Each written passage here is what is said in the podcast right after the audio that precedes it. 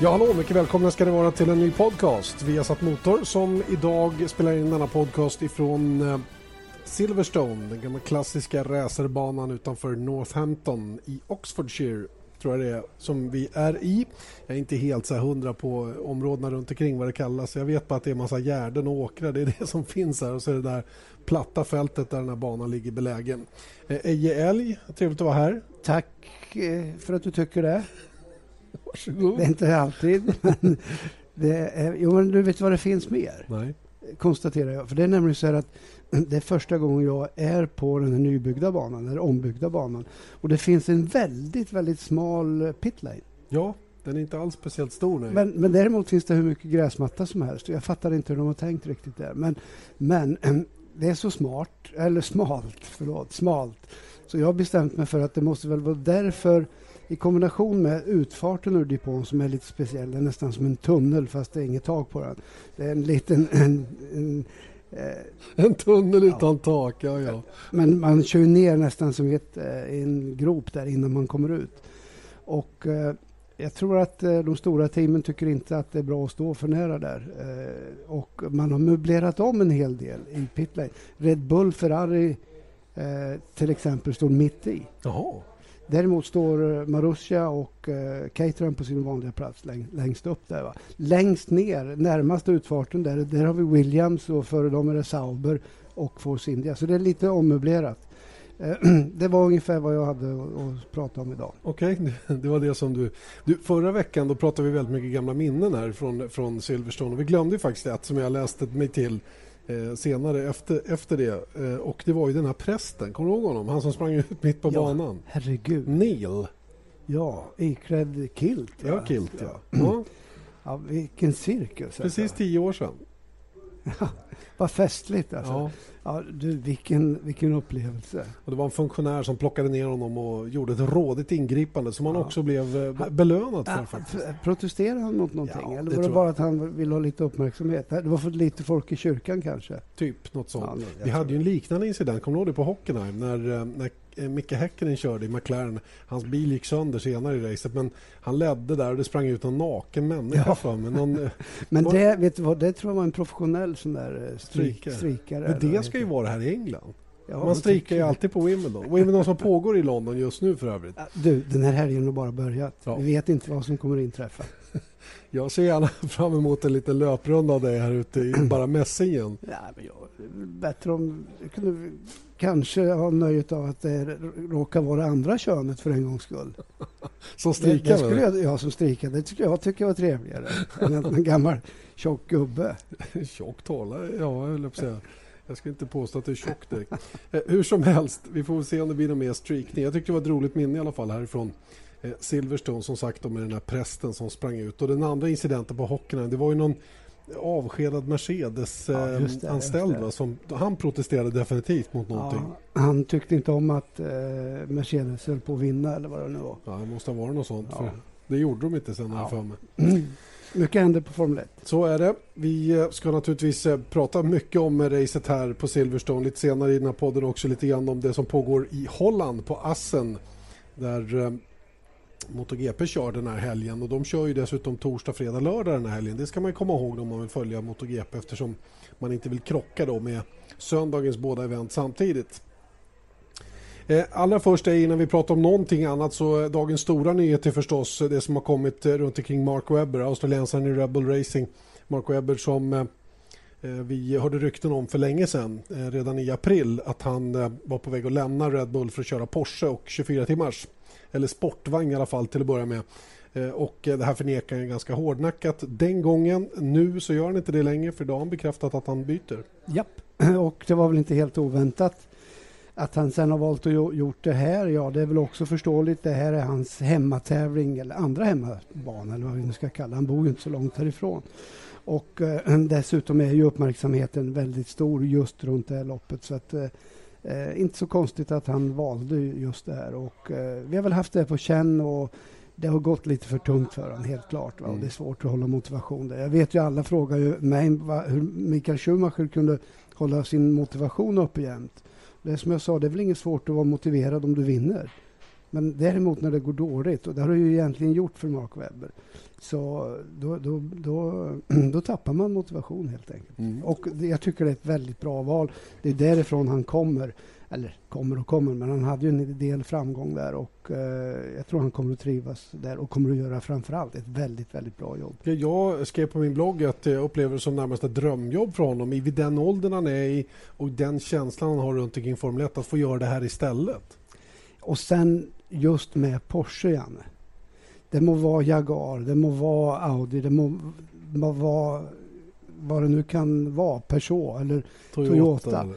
Men Porsche är ju synonymt med Le Mans på något sätt, 24 timmar. Så det är ju sportvagnarnas sportvagn när det gäller den här typen av, av racing i alla fall. Och eh, riktigt, riktigt drömjobb och eh, vilken avslutning på en karriär om det nu blir det. Mm. Eh, dessutom är han ju en eh, ihärdig Porsche-anhängare privat. Han har massor med Porsche-bilar hemma i garaget och riktigt, riktigt nörd när det gäller Porsche just. Ja, det kände jag inte till men eh, det ju, gör ju att det är ännu trevligare och eh, eh, med all den erfarenhet han har så jag, jag tycker ju att och, och framförallt den erfarenhet som han har med sig från tidigare sportvagnar så tror jag han är en grym tillgång för, för eh, Porsche och jag tror bara att eh, det pekar åt ett håll, succé. Mm. Fyra förare nu namngivna i den Porsche-satsningen. Eh, Timo Bernard, eh, Romain Dumas heter han och eh, sen har vi då eh, dessutom då Neil Jani, schweizaren som eh, eh bekräftades också som en av Porsches förare då, nu då tillsammans med Mark Webber. Så fyra utav troligen sex Eh, förare klara nu då inför den här satsningen som drar igång då till nästa mm. säsong. Och Porsche gör ju naturligtvis inget halvdant om de eh, nu har bestämt sig för att göra comeback, vilket de har. Eh, det här är ju killar som dessutom har fått, får väldigt lång tid på sig att förbereda sig, att se till att de är klara och det är ju gubbar som som har erfarenhet och eh, kommer att lösa det här på ett eh, utomordentligt bra sätt. Mm. Sen, du kom ju faktiskt med en intressant eh, spekulation här att eh, Red Bull kanske kommer att synas ganska tydligt på de här Porscharna. Ja, man tittar hur det ser ut på de bilder vi ser idag på Porschen så är det ju väl maskerat eh, all, all kommersiell, eh, kommer, alla kommersiella samarbeten. Och eh, någonting kommer de naturligtvis att ha. Vi vet ju att Porsche är ju världsberömda för Eh, till att börja med hade de ju Gulf, sen var det Rottmans och sen hade de ju eh, Shell eh, ett tag. Så att de har ju ofta väldigt stora aktörer som de samarbetar med. Och Red Bull, just med tanke på att Mark Webber kommer dit, man kan läsa lite mellan raderna. Mark Webber säger att han kommer att fortsätta den goda relationen och fortsätta samarbeta med Red Bull. Och vad det innebär, det vet inte jag. Det var egentligen en vild gissning, men på något sätt så kändes det lite grann som att eh, eh det ligger något sånt i luften. Neil Jani var Red Bull-kille, var tredje förare i Toro Rosso. Ja. Så det finns många beröringspunkter där och det skulle inte alls förvåna mig om, om eh, det står Red Bull på de här Porscharna så småningom. Då. Men det, det är ju bara spekulationer så länge så det får vi väl se vad som kommer att hända. Eh, det kan vi nästan lägga till handlingen att han går till Porsche för det, det, var, så, det var så givet på något sätt att det skulle gå så här och att det, det var mm. det här beslutet han skulle ta. Och som sagt ett, ett, eh, ett mycket, mycket logiskt beslut med tanke på hur han har uttryckt sig runt Formel 1 och situationen i Red Bull. Mm. Eh, vi ska inte undervärdera ordet ehm, eh, spekula spekulera. För det här var precis vad vi spekulerade i, eller framförallt du spekulerade i, för ett antal månader sedan. Så att eh, våra spekulationer är kanske inte så tokiga. Tycker du är lite spekulativ rent av. Eh, hur som helst, det, det, är ju ännu roligare då på, på, det ämnet att spekulera i vem som kommer att ersätta Mark Webber för det blir nästan mer intressant just nu. Då. Nu startar ju en frenetisk verksamhet naturligtvis runt omkring alla managementteam som finns runt förare som skulle kunna vara aktuella för att hoppa in på den här platsen. Och, eh, eh där är ju naturligtvis Kimi Räikkönen högt upp på Red Bulls önskelista. Jag har svårt att tänka mig något annat i alla fall. Ja, det tror jag och jag tror nog att eh, de som framförallt är mycket, mycket medvetna om det här är just Lotus-teamet. De är livrädda för att tappa Kimi för att Kimi är ju trots allt eh, kanske deras eh, starkaste kort som de har eh, sett i hela, hela programmet. Och det gäller för dem att se till att få bilen att funka nu. Vi har ju sett de två senaste loppen och det blev väldigt magert med poäng för Kimi. Och eh, det behövs en uppryckning där för att de ska kunna vara med och slåss om finländaren. Mm. För det är precis det de behöver göra. Vi vet att Gini Capital har sålt en ganska stor del av uh, sitt ägandeskap till andra investorer nu. Mm, 30 procent tror jag. Ja, det var någonting sånt. Och det behövs fräscha pengar in. Nu kommer dessutom Lotus med en större uppgradering till den här tävlingen här Eh, på Silverstone och eh, förhoppningsvis ska det då hjälpa Kimi att hänga kvar vid titelfighten. Ja, och jag tror att det kommer att vara helt avgörande och eh, som du vet så det är ju inte Kimi det hänger på utan det är ju egentligen deras förmåga att eh, hänga med i den utvecklingen som sker under säsongen, anpassa sig till de däck som, som levereras och, och så vidare. Det såg ju jättebra ut inledningsvis, har sett lite sämre ut eh, nu på slutet. Och framförallt så har vi ju sett en svaghet när det är lite regn på banan. Ja, då, hinner de, då hänger de inte med. Nej. Eh, håller du med om att eh, det känns som att de andra teamen har ätit ikapp det här försprånget Lotus hade i början. Lotus har nog inte blivit sämre utan den är nog som den var i början på året men skillnaden mot de övriga var större då. Nu börjar de andra få lite bättre kläm på det. Ja, på ett sätt så för, för att göra det enkelt för mig skulle jag säga ja. Men samtidigt så vill jag lämna en liten liten parentes där. Glöm inte bort att eh, de två senaste racen är alltså Montreal, Kanada och Monaco. Banor som inte är representativa riktigt. Va? Så jag tror vi måste vänta till, till racet här förutsatt att det är torrt. Nürburgring likaså nästa race. Så, att, eh, så får vi se var, var, eh, var vi hamnar. Det, det, är lite svårt att, att, spekulera i men visst, det, det lutar ju lite åt det du säger. Mm. Eh, vi hänger kvar lite grann vid det här med vem som ersätter Mark Webber till nästa säsong. För att eh, eh Kimi är ju en av förarna naturligtvis då, som, som det kommer att bubbla runt omkring nu när det, när det handlar om att tillsätta den här positionen. Eh, naturligtvis så borde ju de båda Toro Rosso-förarna också, Daniel Ricciardo och eh, Jean-Erik Wern, vara aktuella också. Eh, och eh, det känns som att de närmast skulle vara perfekta som, som supportförare då till eh, den klara ettan Sebastian Vettel. Helt riktigt och eh, det faktum att man offentliggjorde att man hade gjort ett, eh, lagt till ytterligare ett år på hans avtal, på Fettels avtal så tidigt som man gjorde.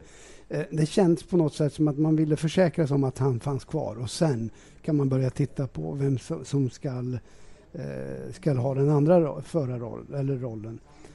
Och eh, eh, jag tror nog att man kanske har insett att det är väldigt, väldigt svårt att ha två förare som är lika, eh, har lika mycket status. Och eh, samtidigt som, som eh, vi får inte heller glömma bort att eh, Ricciardo och Verin i det här fallet, det har spenderats oerhörda pengar. Det har investerats så mycket pengar från Red Bull varför ska man bara kasta bort det? Mm. Varför, jag menar, du har, det är ingen vits med det här stora förarutvecklingsprogrammet de har om man inte rekryterar från det. Så att, eh, det är väl ganska rimligt att tro att någon av dem kommer också vara med på den där listan väldigt, väldigt högt upp. Felix da Costa, kan han vara aktuell också? Nej, det undrar jag. Alltså, han skulle väl snarare vara, vara en ersättare i Toro Rosso då.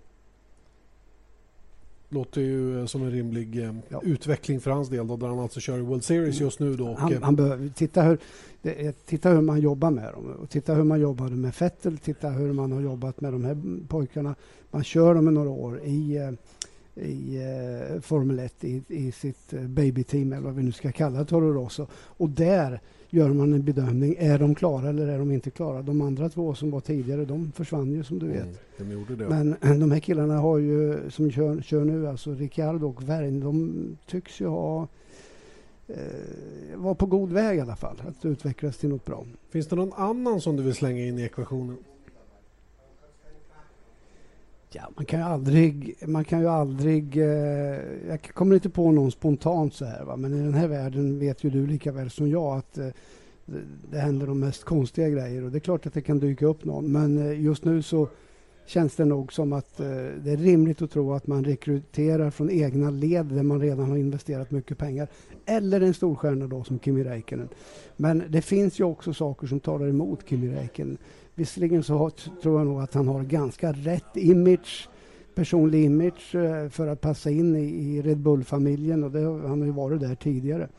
Eh, men eh, jag tror också att man kommer att verkligen sätta sig ner och, och, fundera hur kommer samarbetet att fungera och eh, kommer vi skapa mer problem än vad vi egentligen behöver? Är det inte vettigare att satsa på en kille? Och vi vet ju att Vettel har ju alla de kvaliteter som finns för att vinna ett antal VM till. Mm. Ja, det får stänga spekulationsfönstret kring den platsen tror jag. För, vi, vi, kommer inte att komma någon vart i det där. Och Red Bull själva säger ju att eh, det kommer att dröja länge innan man eh, offentliggör vem det är som tar den där platsen. Och eh, man är väl nu ute och sonderar terrängen och jag tror knappast att vi får veta innan säsongen är över. Vad tror du? Nej, det tror nog inte jag heller. I alla fall inte förrän i slutet på året så att säga. Och sen kanske det kommer kommer hända andra saker som gör att det blir en ganska naturlig eh, naturlig situation där man kan räkna ut att ja, han går dit och han går dit. Och det, det måste betyda att den och den kommer att hamna hos Red Bull. Mm. Det, det, är sådana scenarier också. Så att eh, spekulationerna kommer definitivt att fortsätta även om du och jag lägger av. Absolut. Vilket inte är nära förestående vill jag då påstå Nej, samtidigt. Eh, eh, i fortsatt i den här podcasten tänkte jag att vi också skulle beröra lite grann det som eh, kördes helgen som var. Eh, där vi faktiskt var lediga och fick möjlighet att följa det lite grann extra noga för en gångs skull. Nämligen Le Mans 24 timmars. Eh, en tävling då som Mark Webber då är på väg till tillsammans med Porsche. Eh, och eh, det blev ju en nionde seger för Tom Christensen, dansken. Tillsammans med eh, Alan McNish och Loic Duval så lyckades de vinna 24-timmarsloppet här på Le Mans med Audi. Men eh, det som fastnade på näthinnan är förstås eh, den tragiska olyckan då, som eh, Allan Simonsen, en annan dansk, råkade ut för redan under de inledande varven. Jag tror racet var åtta minuter gammalt när han kraschade. Ja, fyra varv, ja. fjärde varvet var det. Någonting sånt mm. ja. Och eh, han kraschade i Tête Rouge som kurvan heter och eh, kraschade så svårt så att han sedermera avled. Och, eh, en, en väldigt otäck olycka och lite märklig olycka kan man tycka också. Ja, det måste jag nog säga. Därför att eh, har man kört där så, så pass mycket som jag har gjort så vet man att eh, det är väldigt eh, ovanligt att bilen går rakt fram och i praktiken rammar barriären 90 grader som, den, den här, som han i praktiken gjorde. Eh, för man har egentligen börjat insvängningen till den sista knäppan ut på, på, på på Mulsandrakan där. Så att eh, det ligger nära till hands att tro att någonting gick sönder. Eh, vad jag förstår så var det ingen annan bil involverad utan det var han själv. Och eh, att någonting gick sönder och eh, sånt är ju svårt att värja sig emot naturligtvis. Man hade byggt om lite grann där för att eh, förhindra den här typen av incidenter men eh, eh inte tillräckligt. Nej. Eh, det, det, sägs att det står ett träd precis eh, bakom eh, det här armcore-räcket och att det fanns ingenting som räcket kunde fjädra mot så ser när den väl smällde in i, i, i räcket då i hög fart. Och det sägs att eh, impactfarten var runt eh, 160 km i timmen. Mm. Ja, men ja, vad ska jag säga? Hela Mulsanrakan eh, var en gång i tiden bara en lång rad. Det var en allé med de här träden. Och det, det, här är alltså början på dem. Man kommer inifrån stan och så kommer ut på, på Mulsanrakan där så är det eh, de här träden. Nu är ju Mulsanrakan ombyggd men förr i världen så var det de här träden hela vägen i stort sett. Så att eh, ja, jag vet inte hur jag ska formulera det. Alltså, Le Mans anser väl jag kanske var en av de absolut farligaste racen i världen och ha, har alltid varit och Eh, kommer att förbli, vara, eh, kommer att förbli så. Eh, speciellt med tanke på de förhållanden som råder när man kör. Man kör på natten, man kör med, med bilar som går väldigt olika fort och, och så vidare. Så att det är naturligtvis en, en, ganska stor risk att ställa upp i den där tävlingen och det vet alla som kör mm. och det visste Simonsson också. Just det. Oerhört erfaren kille för övrigt, 34 år gammal mm. blev han. Eh, efterlämnade efterlämnad dotter och flickvän eh, eh, efter att han nu gick bort och hade till och med kört V8 Supercar borta i Australien. Han var extremt erfaren på den här nivån så att han visste verkligen vad han höll på med. Ja, men det visar ju ändå, precis som jag säger, att Le Mans är en, en riktigt farlig tävling. För att eh, racerbilar går ju sönder, även om de inte går sönder lika lätt idag som de gjorde förr. Men man får inte glömma bort att det är 22 förare som har fått satt livet till på Le Mans. Så att, farterna och omständigheterna gör ju att eh, det går aldrig att skydda sig från. Men eh, jag, jag försvarar inte det på något sätt utan självklart så måste utvecklingen mot bättre säkerhet eh, fortsätta. Och de har gjort mycket där, och de, men de behöver, behöver göra ännu mer naturligtvis. Mm. Men eh, det är fortfarande väldigt, väldigt långt, långt kvar innan någon kan säga att Le Mans 24 timmars är säkert.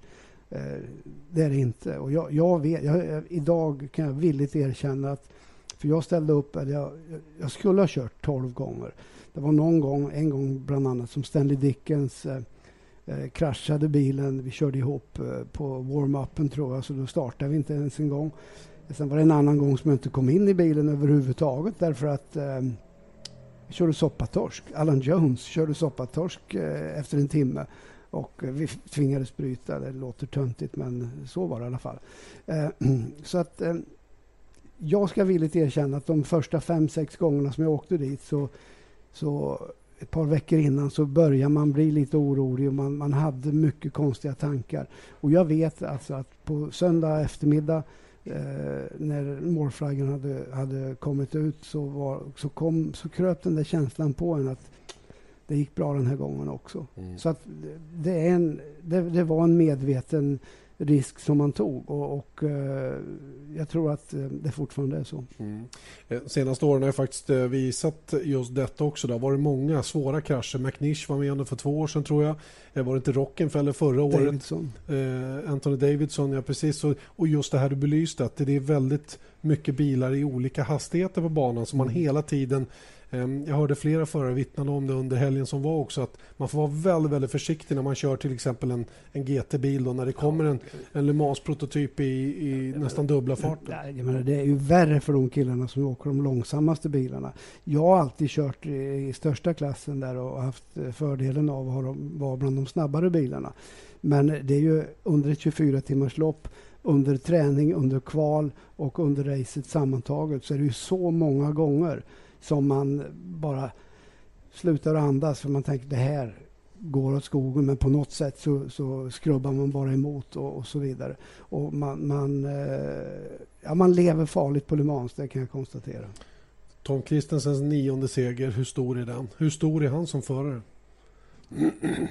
Ja, när det gäller sportvagn så är han ju definitivt en av de absolut största. För vi får inte glömma bort att Le Mans är den största långdistansloppen har de allihop. Du, kan, du har Sebring, du har Nürburgring 24 timmars, du har Solder, eller nej inte Spa. Solder, Spa. Du har, eh, sa jag Sebring? Ja, mm. och Daytona. Mm. Eh, men, men eh, utan tvekan så det är ingenting som kommer i närheten av Le Mans. Det är alltså ett jätte, jättestort event och det, har du vunnit det nio gånger, ja då är du definitivt en av de största. Det är ju han och Jackie X som är de klart största stjärnorna. Eh, Tom har ju... Det här säger jag definitivt inte för att förringa hans, hans insats.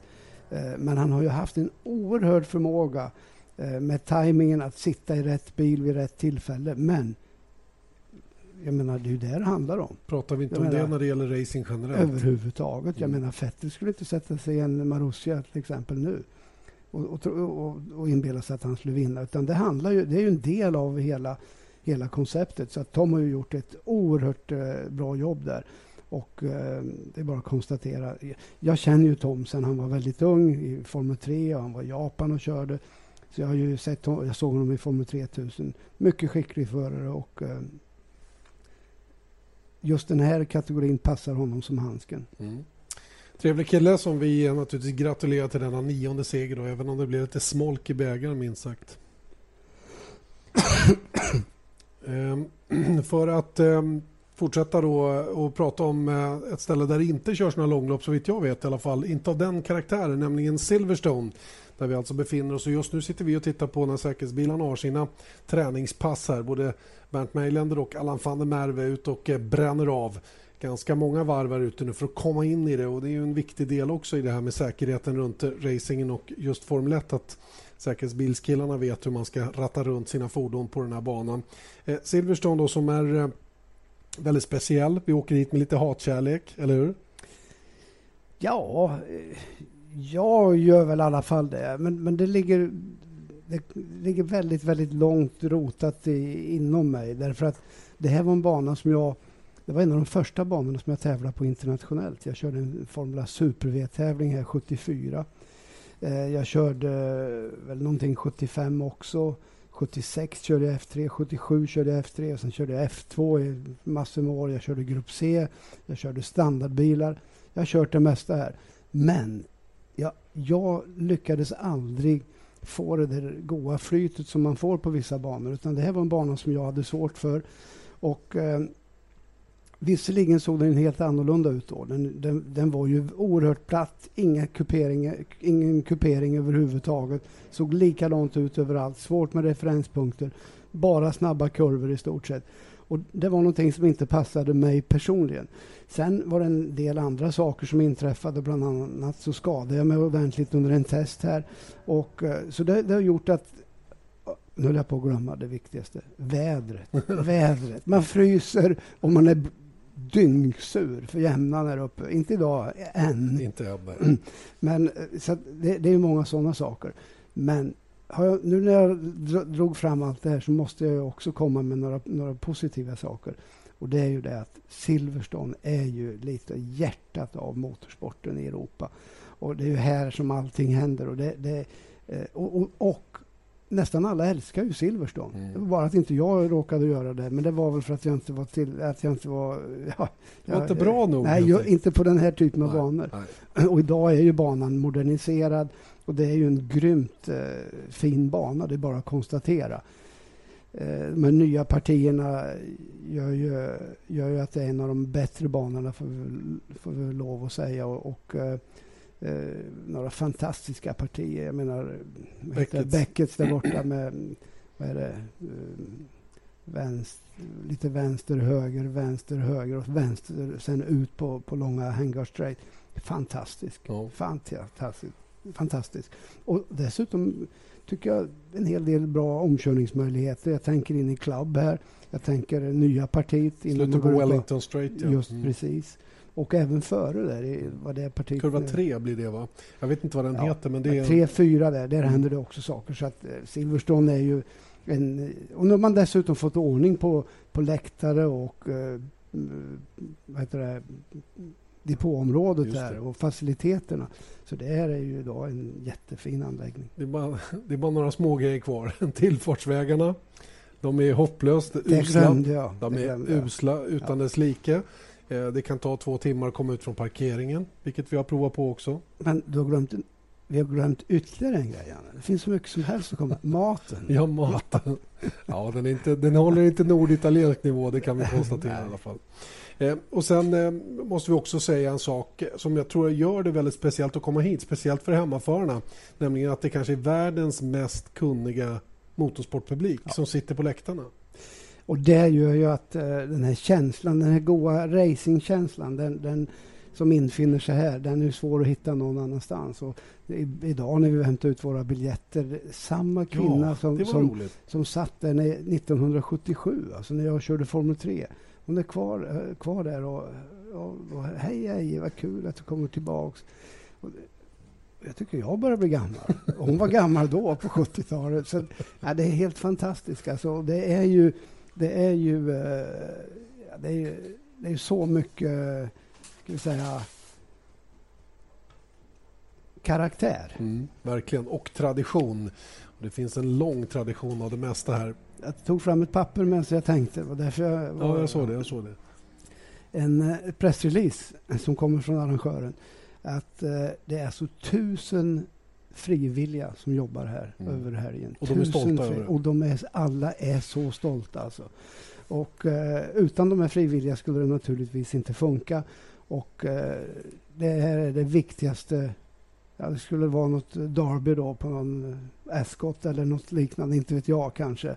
Eller vad heter det British Open eller Wimbledon. Ja, Wimbledon Men annars ja. så är det ju Silverstone som gäller. Alltså. Och det, den här känslan är ju grym. Det är bara att konstatera. Hur mycket betyder hemmabana tror du när man är förare? Du, har inte du det... åtnjutit det kanske på samma sätt som till exempel Jenson Button, Lewis Hamilton kommer i, Paul de Resta, ja, eh, David Coulthard på sin tid, Nigel Mansell. Vi kan ju räkna upp några stycken. Ärligt talat så tror inte jag att det har någon betydelse. Alltså, men jag såg några eh, rolig, rolig statistik på det där. Att, eh, att eh, eh Mansell till exempel Eh, nu kommer jag inte ihåg antal brittiska Grand Prix han körde, men han har alltså en, en vinnarprocent på nästan 40 procent. 38,4. 38,4 och, och tittar du på hela hans eh, karriär så är, var det på 17-18 procent mm, någonstans. 16,7. Så det, i det fallet, ja då är det bara att konstatera att det, då ljuger inte statistiken. Eh, I alla fall inte det avseendet. Inte det avseendet. Nej, nej. Men, och han har ju hela tiden hävdat att han han kunde höra publikens jubel och att det bar honom fram till de här stora, stora sakerna. Fråga de andra förarna, de har aldrig hört ett, ett knäpp från läktaren, för det, det, det, man gör inte det. Så att det där är någonting som man skapar själv och det är nog från person till person. Ja, men är inte lite det jag menar då? Är inte det man jo, får kanske. när man är på hemmaplan och ser flaggorna? För de ser man, man är inte blind när man kör i alla fall. Även om man inte hör något. Nej, det må väl vara hänt alltså. Ja, ja, ja. ja. Har du haft någon flagga viftandes för det någon gång? Uh, på min tid då startade vi med flagga. Ja, ja. här hade man då Union Jack här som, som startflagga. Det är bra. Det är bra. Det är fina grejer. Hemmaplan var detta. Inte direkt hemmaplan för Marcus Eriksson som tar ny start kan man väl säga då med GP2 eh, som ska köra här på Silverstone. Jag pratade med Marcus själv häromdagen. Han sa att det här är hans absoluta favoritbana när det är torrt. Jag tror han tycker om det när det regnar också men han ser nog gärna till torrt den här helgen. Och, eh, jag tror vi kan ställa förväntningarna ganska högt ändå. Även om det har varit en knackig säsong så här långt så, så känns det som att eh, är det någorlunda väder här så, så kan det gå vägen. I iSportbilen så var han ju väldigt snabb här och var en av de absolut snabbaste. Och eh, han visar ju då också att han behärskar även när det är lite varierande underlag. Så att eh, och, och, även i Formel 3 så var Marcus snabb här. Så det här är en bana som han gillar och eh, självklart ska vi ställa förväntningarna högt. Han sitter i kanske det bästa teamet, även om det är lite andra däck i år som gör att man inte till 100 % kan falla tillbaka på fjolår, fjolårets data. Så är man i alla fall någorlunda med och det visar ju inte minst eh, eh den kvalstatistiken som han har i år. Han har ett eh, snitt på sex, sexa. Mm. Mm. Bland annat en pole, en andra plats. Så att, det är riktigt bra. Det var ju tidigare hans svaga sida. Nu har han fått ordning på det så att nu är det bara att se till att komma i mål och få ja, få farten att räcka här, över en timme eller vad man nu kör. Just det. Vi hoppas och håller tummarna för Marcus Eriksson som ni ser både lördag eftermiddag och söndag morgon. Alltihopa en timme tidigare har jag för mig i alla fall att det är. Kolla våra tablåer för exakta starttider eh, för detta då eftersom eh, England är en timme bak oss hemma i Sverige. Då. Eh, några korta ord om tribunalen också som kördes i, eh, eller som var nu då i Paris den 20. Där det alltså eh, gick sig igenom då alla fakta som rådde kring den här däcktesten då som, eh, som man körde i eh, Barcelona direkt efter Spaniens Grand Prix där Mercedes alltså efter många om och men körde sin, sin tävlingsbil kort och gott ihop med Pirelli på den här testen då som har blivit väldigt omdiskuterad. Och vi är väl inte så jätteförvånade över utslaget egentligen och att, att det såg ut ungefär på det här sättet att Merca, hade fått någon, Merca och Pirelli hade fått något litet luddigt okej okay att köra den här testen eh, gjorde att man tog, tog chansen helt enkelt. Ja, visst gjorde man det och eh, eh ja, eh, jag tror att jag tror att först och främst så måste vi nog konstatera att de som var i verkligt, verkligt stort behov av den, av den här testen var Pirelli. Mm. Och de menar på att de hade en överenskommelse med FIA eller FIA att eh, de fick eh, utföra den här typen av tester. Vad de gjorde fel var att de inte gick ut och offererade samma sak till allihop. Sen Mercedes, ja, vad ska man säga om det? De, eh, de var inte heller i så litet behov direkt av att absolut, göra en test. Absolut inte. Eh, och de chansade lite grann, lutade sig mot eh, eh, vad ska jag säga, juridiska eller sitt sätt att tyda juridiken på. Eh, och de hade säkert ett, mer än ett och två samtal till sina jurid, juridiska rådgivare hur man skulle tyda det här komplicerade reglementet. Så att eh, jag är övertygad om att eh, Mercedes var nog medvetna att man var i en gråzon. Men jag är däremot inte, övertygad, eller inte överraskad över att eh, bestraffningen inte blev värre än vad den blev. Nej, tämligen ringa med reprimand utdelad alltså till Mercedes och en reprimand till Pirelli och dessutom då ett förbud för Mercedes att ställa upp på de här Young Driver-testerna som ska köras här på Silverstone för övrigt om en månad. Eh, det blev liksom utfallet av alltihopa. Jag tycker att om vi lyfter blicken lite grann från Mercedes, från Pirelli, hela den grejen så har det här belyst en oerhört viktig sak. Nämligen att Formel 1 kan inte ha en däckleverantör som inte får möjlighet att testa fram sina däck på relevant material. Det går helt enkelt inte. Och Speciellt inte när man ger däckleverantören sådana direktiv eh, som man har gjort med däck som ska producera två till tre depåstopp och de ska fungera på si eller så sätt och hur det nu än är. Då måste man helt enkelt låta Pirelli få möjligheten att ha eh, kanske en eller två däcktester under säsong med alla teamen närvarande. Alldeles korrekt. Och det är därför vi kommer att ha fyra stycken tester från och med nästa år. Mm. I säsongen så att säga. Och eh, det är väl så att det här som du belyser nu är kanske kärnan i alltihop. Att eh, borttagandet, borttagandet av alla tester är kanske det grundläggande problemet. För att eh, Formel 1 är en så komplicerad sport på många sätt och vis. Så att man behöver ha de där testerna. Mm, så är det. Och eh, man kan framförallt inte kräva omöjliga uppgifter utav Pirelli. Det jag tycker Pirelli, det har också skrivit i min blogg, jag tycker det de har gjort fel och det får de ta på sitt ansvar. Det är ju att de, de har, de har liksom gått för nära gränsen. De har inte tagit det säkra för det osäkra utan de har gått för osäkra och inte haft relevanta data att luta sig mot. Och det, så får man inte heller göra. Någonstans måste ju de vara inom marginalen på något sätt. Speciellt, det är en sak om vi pratar om det sportsliga. Vi har ju sett att det är väldigt mycket turbulens eh, mellan teamen som den ena vill ha det och den andra vill ha något annat. Men man får absolut inte tumma på säkerheten och det gjorde man. Mm. Eh, återstår att se vad som kommer att hända. Den här helgen så kommer man återigen att köra de så kallade prototypdäcken då, där man eh, tittar på lite andra lösningar för att eh, fästa slitbanan vid stommen på däcket. Och förhoppningsvis ska man kunna få alla team att vara med på att det blir en justering av däcken längre fram. Men eh, än så länge så kör man med de ordinarie däcken som man startade säsongen på. Det om tribunalen kan vi väl säga då. Ska vi eh, avslutningsvis också ställa några frågor också till vår MotoGP-expert Niko Milovanovic som vi bjuder in till den här eh, podcasten. Och eh, allra först, hej Nico! Hallå där! Eh, första träningsdagen redan avklarad på Assen i Holland. Vilka har varit de största intrycken tycker du under dagen? Oj, oj, oj, det har hänt väldigt mycket nere på, på Assen, Janne. Eh, kan börja med första träningen. Det kördes i torrt. Det var Jorge Lorenzo som slutade i topp för sin eh, märkeskollega. Cal Crutchlow på en andra plats och sen hade vi Mark Marquez på en eh, fin tredje plats. Imponerande redan nu inledningsvis. Och sen eh, Valentino Rossi fyra och eh, Pedrosa femma. Så det är ju topp fem väldigt bra med. Men under den andra friträningen i regnet så kraschar Lorenzo på baksidan utav banan i över 250 km i timmen, knäcker vänster nyckelben. Så att det här racet är över för hans del. Eh, och sen nu här efter så kommer, om två veckor så är vi redan på Saxering. Kör ett race där, helgen därefter Laguna Seca. Så det är tre kommande race nu som han kan behöva stå över. Banan då i Assen i Holland, en äkta motorcykelbana som eh, skiljer sig en del från de tidigare banorna under säsongen, eller hur? Ja, att det är en klassisk bana, det kan vi ju alla hålla med om. Vi har ju kört här ända sedan GP-klassen fick eh, VM-status någon gång på 1940-talet, tror jag 49.